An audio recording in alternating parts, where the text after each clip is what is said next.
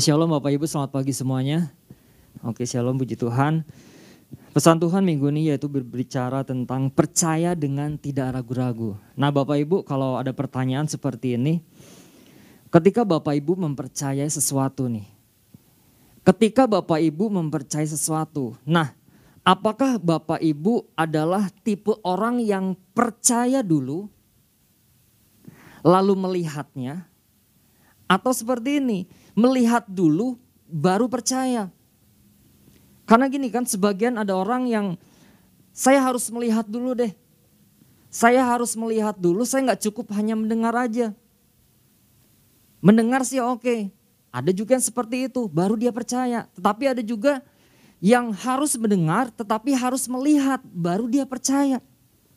Nah kalau kita lihat menurut teori gates of belief, di sana dikatakan ada tiga gerbang atau pintu agar seseorang dapat menerima informasi dengan baik lalu mempercayainya. Nah yang pertama gerbang apa? Yang pertama yaitu gerbang atau pintu visual. Nah ini artinya apa? Orang tipe ini dia tidak cukup hanya mendengar apa yang dia dengar, tetapi dia harus melihat. Nah, ini orang nggak cukup hanya mendengar aja, tetapi orang ini harus melihat baru dia percaya. Ini tipe gerbang pintu visual. Nah lalu yang kedua, gerbang pintu auditori. Nah ini apa ini?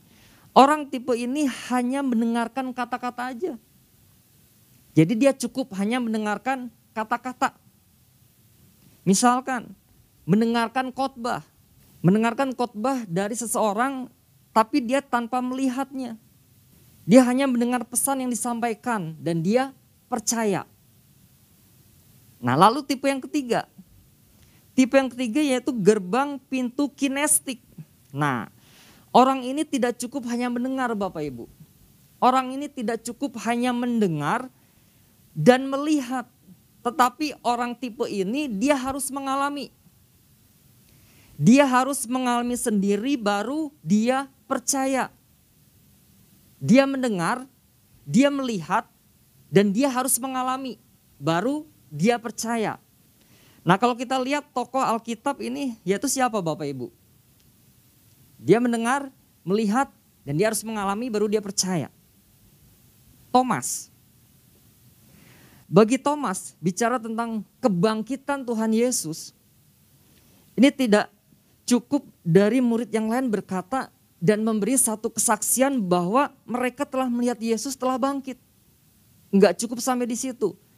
Nah kalau kita lihat di dalam Yohanes 20 ayat yang ke-25.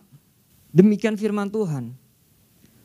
Maka kata murid-murid yang lain itu kepadanya, kami telah melihat Tuhan. Nah, tetapi Thomas berkata kepada mereka, sebelum aku melihat bekas paku pada tangannya dan sebelum aku mencucukkan jariku ke dalam bekas paku itu dan mencucukkan tanganku ke dalam lambungnya, sekali-kali aku tidak akan percaya.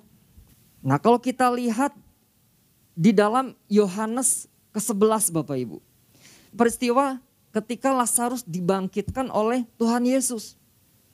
Di ayat 16 dikatakan bahwa Thomas ada di situ.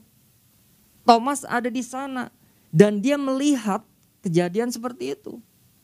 Nah bagi Thomas sendiri, dia perlu melihat sendiri bukti dan mengalaminya. Nah mari Bapak Ibu, kita melihat ayat dari pesan Tuhan minggu ini. Yaitu pesan minggu ini yaitu percaya dengan tidak ragu-ragu. Kita buka di dalam Mazmur 26 ayat yang pertama. Dari Daud berilah keadilan kepadaku ya Tuhan sebab aku telah hidup dalam ketulusan kepada Tuhan dan aku percaya dengan tidak ragu-ragu.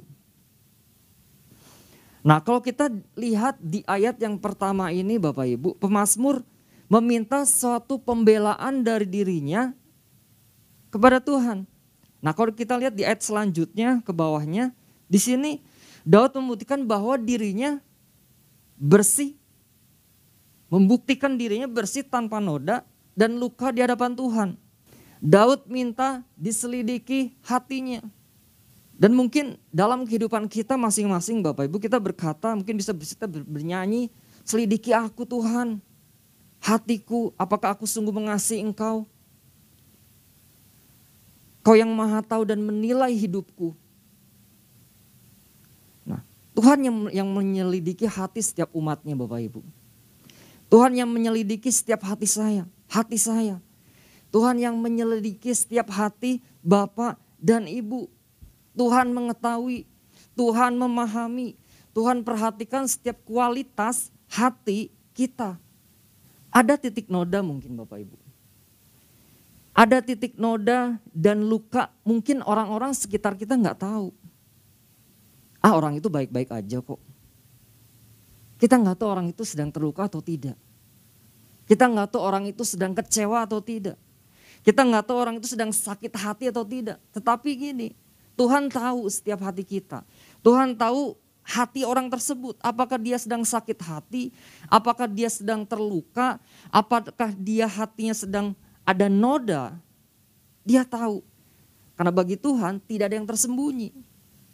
Sulit sekali untuk orang percaya kepada Tuhan sepenuhnya tanpa ragu jika dalam hatinya ada satu kecewaan. Jika hatinya masih ada noda, jika hatinya masih ada kepahitan, sangat sulit sekali. Pengiraan kita sama Tuhan itu berbicara tentang sebuah perjalanan. Ada perjalanan yang harus kita tempuh. Dan selama perjalanan yang harus kita tempuh itu, selama perjalanan pasti ada masa-masa yang harus kita hadapi. Di mana masa-masa itu mungkin ada masa-masa yang menyenangkan bersama dengan Tuhan. Mungkin di situ ada masa-masa di mana kita harus menghadapi satu tantangan dalam hidup kita yang harus kita hadapi. Di mana masa-masa itu yang harus kita selesaikan. Bagaimana cara penyelesaiannya. Dan yang Tuhan mau di saat-saat itu, di saat-saat yang kita hadapi yang seperti itu, Tuhan mau kita jaga hati kita. Jaga hati artinya jangan sampai ada luka atau noda setelah apa yang kita alami dalam hidupan kita. Mungkin tantangan, mungkin masalah, mungkin problema, dan hal yang lainnya. Nah karena gini, tantangan atau apa pun yang kita hadapi, itu bisa membuat tanda kutip noda. Itu bisa membuat luka. Artinya kita harus bereskan itu sesegera mungkin. Jangan sampai dibiarkan karena itu akan berdampak. Itu akan berdampak dan itu akan membuat seseorang menjadi sulit untuk percaya kepada Tuhan. Mungkin dia ada ragu-ragu. Benar enggak sih? Ada satu keraguan-raguan kalau kita tidak bereskan. Nah di dalam Mazmur 26 ayat yang ketiga di sana dikatakan, Sebab mataku tertuju pada kasih setiamu dan aku hidup dalam kebenaranmu. Nah sering kali secara manusia ketika kita menghadapi satu tantangan, kita akan melihat seberapa besar tantangan itu. Kita lupa melihat bahwa ada Tuhan yang lebih besar. Ada Tuhan yang dahsyat. Ada Tuhan yang sanggup menolong dalam setiap hidup kita. Nah prinsip agar kita menjadi orang percaya dengan tanpa ragu yaitu gini. Mempercayai yang dilandasi dengan kebenaran firman Tuhan. Sebab mataku tertuju pada kasih setiamu dan aku hidup dalam kebenaranmu. Nah artinya kita percaya kondisi apa pun yang terjadi dalam hidup kita masing-masing. Hal apa pun yang terjadi dalam hidup kita masing-masing. Di mana kita berdiri, di mana kita berada, ketika kita berdiri di atas kebenaran firman Tuhan, kita percaya bahwa di sana ada pertolongan Tuhan. Kita percaya di sana bahwa Tuhan campur tangan dalam hidup kita. Ketika kita berdiri dalam kebenaran firman Tuhan. Mata yang selalu tertuju, terarah, dan hidup dalam kebenaran firman Tuhan. Artinya percaya bahwa ada Tuhan yang membela kita. Ada Tuhan yang melindungi kita. Walaupun gini, sepertinya sesuatunya sesuatu belum terjadi. Kita percaya bahwa Tuhan membela saya. Saya percaya bahwa Tuhan menjawab doa-doa saya. Tetapi sesuatu sepertinya kok belum terjadi ya. Tetapi percaya dan berimanlah Walaupun gini, tidak selesai saat itu juga. Tetapi percaya ketika kita beriman ada pengharapan di dalamnya. Iman pengharapan. Ada pengharapan. Ketika kita beriman, ada kemenangan yang Tuhan kasih dalam hidup kita. Tetapi gini, ketika kita mulai ragu-ragu, kita mulai ragu-ragu, kita akan mengalami satu kekalahan dalam hidup kita Bapak Ibu. Jangan biarkan keraguan-raguan itu hidup dalam hidup kita masing-masing. Jangan biarkan keraguan-raguan itu menguasai kehidupan kita karena ujungnya gini, kalah. Kita bakal kalah. Kenapa keraguan-raguan bisa terjadi Bapak Ibu? Nah yang pertama, keraguan-raguan itu timbul dan meresap akibat dari sebuah peristiwa. Ada peristiwa yang mungkin sedang kita alami. Timbullah satu keraguan-raguan. Nah artinya keraguan itu adalah respon yang umum dialami oleh seseorang. Itu umum. Seorang bisa mengalami satu keraguan-raguan. Orang percaya bisa mengalami satu keraguan-raguan. Itu dialami oleh seseorang setelah ia mengalami atau terpukul akibat peristiwa yang sangat buruk atau mengecewakan. Nah yang kedua, Kenapa keraguan-raguan itu bisa terjadi? Keraguan-raguan bisa terjadi, keraguan itu kondisi sebuah proses dari sesuatu yang belum kita pahami. Nah, keraguan itu bukan uh, bukan tidak percaya, tetapi itu terjadi ketika pikiran kita mencoba untuk uh, memilah atau memisahkan apa yang sedang terjadi dalam hidup kita.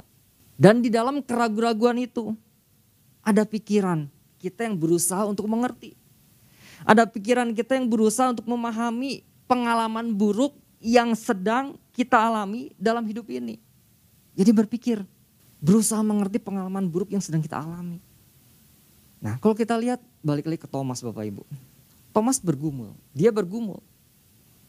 Pikirannya sulit untuk memahami tentang peristiwa penyalipan Tuhan Yesus. Dia berpikir, dia bergumul. Bagaimana mungkin sesuatu yang menjanjikan, bagaimana mungkin sesuatu yang pasti, yang namun berakhir dengan sebuah yang mengecewakan. Ini kan sebuah pukulan. Ini merupakan pukulan uh, yang sangat berat bagi Thomas. Sesuatu peristiwa yang bagi dia hal yang menjanjikan tetapi berakhir dengan mengecewakan. Nah kalau kita pelajari banyak penafsir Alkitab mengatakan seperti ini bahwa Thomas itu adalah tipe yang melankolis. Nah artinya apa? Nah artinya perasaannya itu lebih mendominasi perilakunya. Lebih khawatir. Mungkin lebih takut. Ia bersikap mungkin pesimis. Sering memandang dari sisi negatifnya. Lalu apa? Tidak mudah cepat percaya. Nah ini kan tipe kepribadian ini tidak mudah untuk mengambil satu keputusan. Orang yang seperti ini ketika dia menghadapi satu masalah, maka ia akan apa? Ia akan memakai perasaannya. Dia akan memakai perasaannya lalu kemudian apa? Dia pikirkan. Dia pikirkan, setelah dia pikirkan lalu apa? Dirasakan kembali dalam hatinya. Setelah dirasakan dalam hatinya apa? Lalu dipikir, dipertimbangkan lagi, terus balik dan balik seperti itu lagi. Nah tidak aneh bahwa tipe orang seperti ini, dia adalah disebut dengan orang yang tipe ragu-ragu. Selalu banyak mikir, banyak pertimbangan, tapi tidak ada keputusan. Nah, kalau kita lihat dengan peristiwa yang terjadi di sini bukan Thomas tidak mengasihi Tuhan Yesus. Thomas mengasihi Tuhan Yesus. Tetapi dia merasa kecewa dan kehilangan ketika apa?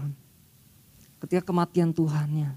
Nah, sering kali gini, tidak sedikit orang ragu, tidak sedikit orang yang mau berterus terang ketika dia mengalami, mengalami satu keraguan-raguan dalam hatinya. Mungkin dia takut gini, ah kamu tidak beriman. Dia takut dan dia tutup-tutupi rasa keraguan-raguannya. Dia tutupi. Nah kalau kita lihat Thomas Bapak Ibu, dia tidak membiarkan keraguan-raguannya. Dia tidak membiarkan, dia tidak membiarkan membara dalam hatinya, tapi dia berani untuk men-sharingkan kepada siapa? Kepada murid-murid yang lain.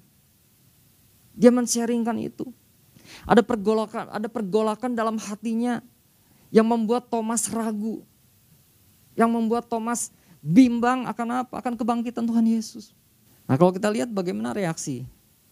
Reaksi Tuhan Yesus terhadap Thomas ini. Tuhan tahu, Tuhan melihat, Tuhan paham, Tuhan mengenal setiap hati murid-muridnya. Dia mengerti Bapak Ibu. Dia paham. Nah, ketika pikiran berbentur dengan hati, itu akan muncul yang namanya apa? Keraguan. Dan yang dibutuhkan itu apa? Saat keraguan-raguan itu muncul, bukanlah sebuah argumentasi yang diperlukan. Bukan sebuah perdebatan yang diperlukan, tetapi apa? Di sini perlu satu sikap agar kita menjadi orang percaya tanpa ragu-ragu. Ini apa yang perlu kita lakukan, yaitu berusaha masuk ke sebuah pengalaman pribadi bersama dengan Tuhan. Berusaha masuk ke sebuah pengalaman pribadi bersama dengan Tuhan. Karena gini, sesuatu pikiran yang berbenturan dengan hati muncullah keraguan. Yang dibutuhkan bukan perdebatan. Yang dibutuhkan bukan cemoohan tetapi gini, kita perlu, kita harus berusaha masuk ke dalam sebuah pengalaman pribadi bersama dengan Tuhan. Itu yang diperlukan. Nah artinya apa? Kita sebagai orang-orang percaya kita harus mengejar pengalaman pribadi bersama dengan Tuhan pengalaman. Bagaimana caranya?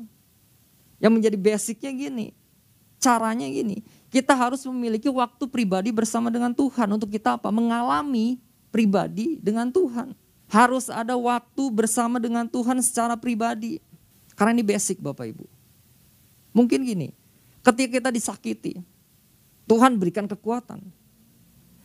Ketika kita ditipu oleh seseorang, Tuhan bukakan semua dan Tuhan ganti. Contoh, ada pengalaman-pengalaman Daud ketika dia melawan Goliat. Dia tidak ragu-ragu untuk melawan Goliat karena dia punya pengalaman sebelumnya ketika dia melawan apa? Singa dan beruang. Ada Tuhan yang menyertai, ada Tuhan yang membela. Nah mungkin pengalaman-pengalaman apa yang sedang kita kejar hari ini bersama dengan Tuhan. Mungkin pengalaman-pengalaman di masa lalu ketika kita bersama dengan Tuhan. Ada satu pengalaman pribadi yang bisa membuat kita bangkit kembali ketika kita mengalami hal yang sama saat ini. Nah, berusaha masuk ke sebuah pengalaman pribadi bersama dengan Tuhan. Nah, kembali ke Thomas. Ketika itu Yesus tidak marah. Yesus tidak marah, dia tidak mencela atau menantang Thomas waktu itu. Tetapi ia mengajak Thomas nih, Perhatikan, dia mengajak Thomas untuk dia masuk lebih dalam ke sebuah pengalaman pribadi bersama dengan Tuhan. Yesus mengundang apa? Yesus mengundang Thomas. Dia mengundang Thomas untuk melihat apa? Tangannya. Dia Yesus mengundang Thomas melihat tangannya, letakkan jarimu di sini, lihat tanganku, raih tanganmu dan letakkan di sisiku, berhentilah ragu dan percaya. Dan Thomas berkata apa? Ya Tuhan dan Allahku. Mungkin kita mempunyai satu tipe gini. Kita melihat, percaya, baru kita mengalami. Berarti hal seperti ini kita harus mempunyai satu pengalaman pribadi bersama dengan Tuhan. Saya akan tutup dan kesaksian Bapak Ibu. Beberapa hari yang lalu, minggu yang lalu, saya dapat satu orderan dari sebuah perusahaan di Tangerang Bapak Ibu. Dia pesan BlackBerry dua kintal. Nah otomatis saya kan harus mempersiapkan barang itu. Dua kintal kan bukan hal yang bukan barang yang dikit. Saya harus persiapkan, saya harus menghubungi satu petani Lembang dan satu petani Ciwidey. Saya harus hubungi mereka. Dan dan perusahaan ini dia harus ada barangnya satu minggu itu. Sedangkan barang BlackBerry, buah BlackBerry ini sedang tidak musim. Musimnya sedang menurun, sedangkan permintaan sangat banyak. Pokoknya satu minggu itu harus dikirim barangnya. Nah hari Kamis saya menghubungi coba orangnya. Uh, hari Sabtu deh saya kirim. Nah setelah dia saya ngomong hari Sabtu, ternyata dari bagian pembelinya dia ngomong gini, udahlah nggak usah dikirim. Sedangkan barang sudah hampir mencapai dua kintal saat itu. Udah nggak usah dikirim batal pengirimannya karena hari Sabtu tutup. Sedangkan dia biasanya hari Sabtu buka. Nah ketika itu ketika saya menerima perkataan itu batal nggak jadi. Aduh secara manusia kecewa dong. secara manusia saya udah menghubungi petani, dua petani ini. Dan saya udah kasih DP. Nah bagaimana saya harus menyelesaikan, ini masalah saya. Saya harus menyelesaikan antara petani A dan petani B. Saya harus selesaikan ini. Karena singkat cerita selesai. Dan saya ingat satu ayat firman Tuhan di dalam Efesus 3 ayat 20. Saya ingat itu ketika saya mengalami penolakan, bukan penolakan ya, dibatalkan orderannya. Saya ingat gini, bagi dialah yang dapat jauh lebih banyak daripada yang kita doakan atau pikirkan. Saya pegang satu itu. Saya pegang ayat itu bahwa Tuhan akan berbuat lebih daripada itu yang kita doakan atau kita pikirkan. Nah saat itu uh, saya pergi ke satu tempat di Dago bersama teman dan saya berbicara tentang bagaimana bisnis yang baik dan benar, bagaimana untuk memaintain sebuah uh, customer dengan baik. Nah ketika itu saya udah, ah udahlah nggak apa-apalah itu. Diam, uh, ya mungkin bukan jalan Tuhan, mungkin ada Tuhan kasih yang terbaik.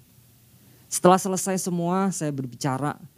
Selesai, pas selesai ada WA masuk, celing. Saya lihat, wah dari ibu ini, Pak tolong uh, dikirim ya tanggal 13.